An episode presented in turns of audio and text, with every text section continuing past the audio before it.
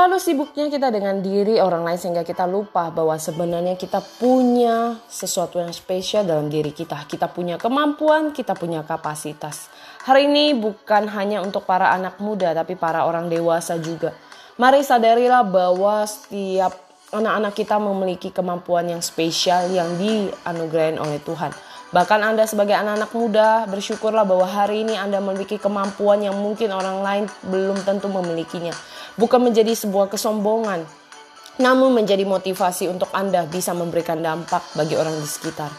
Hari ini teman-teman, saya secara pribadi juga mengalami hal yang sama. Di saat saya mengalami insecure of my life, di mana saya mengalami titik-titik terendah itu, saya berpikir apa sih yang harus saya lakukan? Uh, ke depan itu saya akan punya masa depan seperti apa?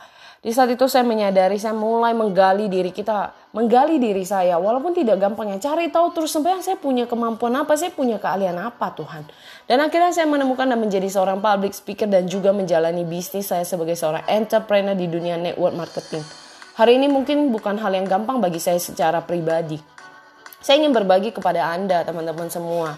Baik Anda anak-anak milenial, orang dewasa, Anda yang memiliki anak juga, remaja, youth, Nah hari ini marilah kita boleh saling mendukung untuk terus menggerakkan diri kita untuk terus berkarya dengan hal-hal yang positif. Asa diri Anda di kondisi di titik terendah itu bukannya Anda semakin menurun tapi mari untuk terus berjalan. Sekalipun gak bisa berjalan setidaknya Anda bisa merangkak untuk terus berjuang dan berjuang. Mari teman-teman lakukan terus dan asa diri Anda sampai Anda menemukan di bidang mana Anda memiliki kemampuan itu biarlah hidup kita boleh terus boleh memberikan dampak, memberikan hal-hal positif buat orang di sekitar kita. Semangat pagi!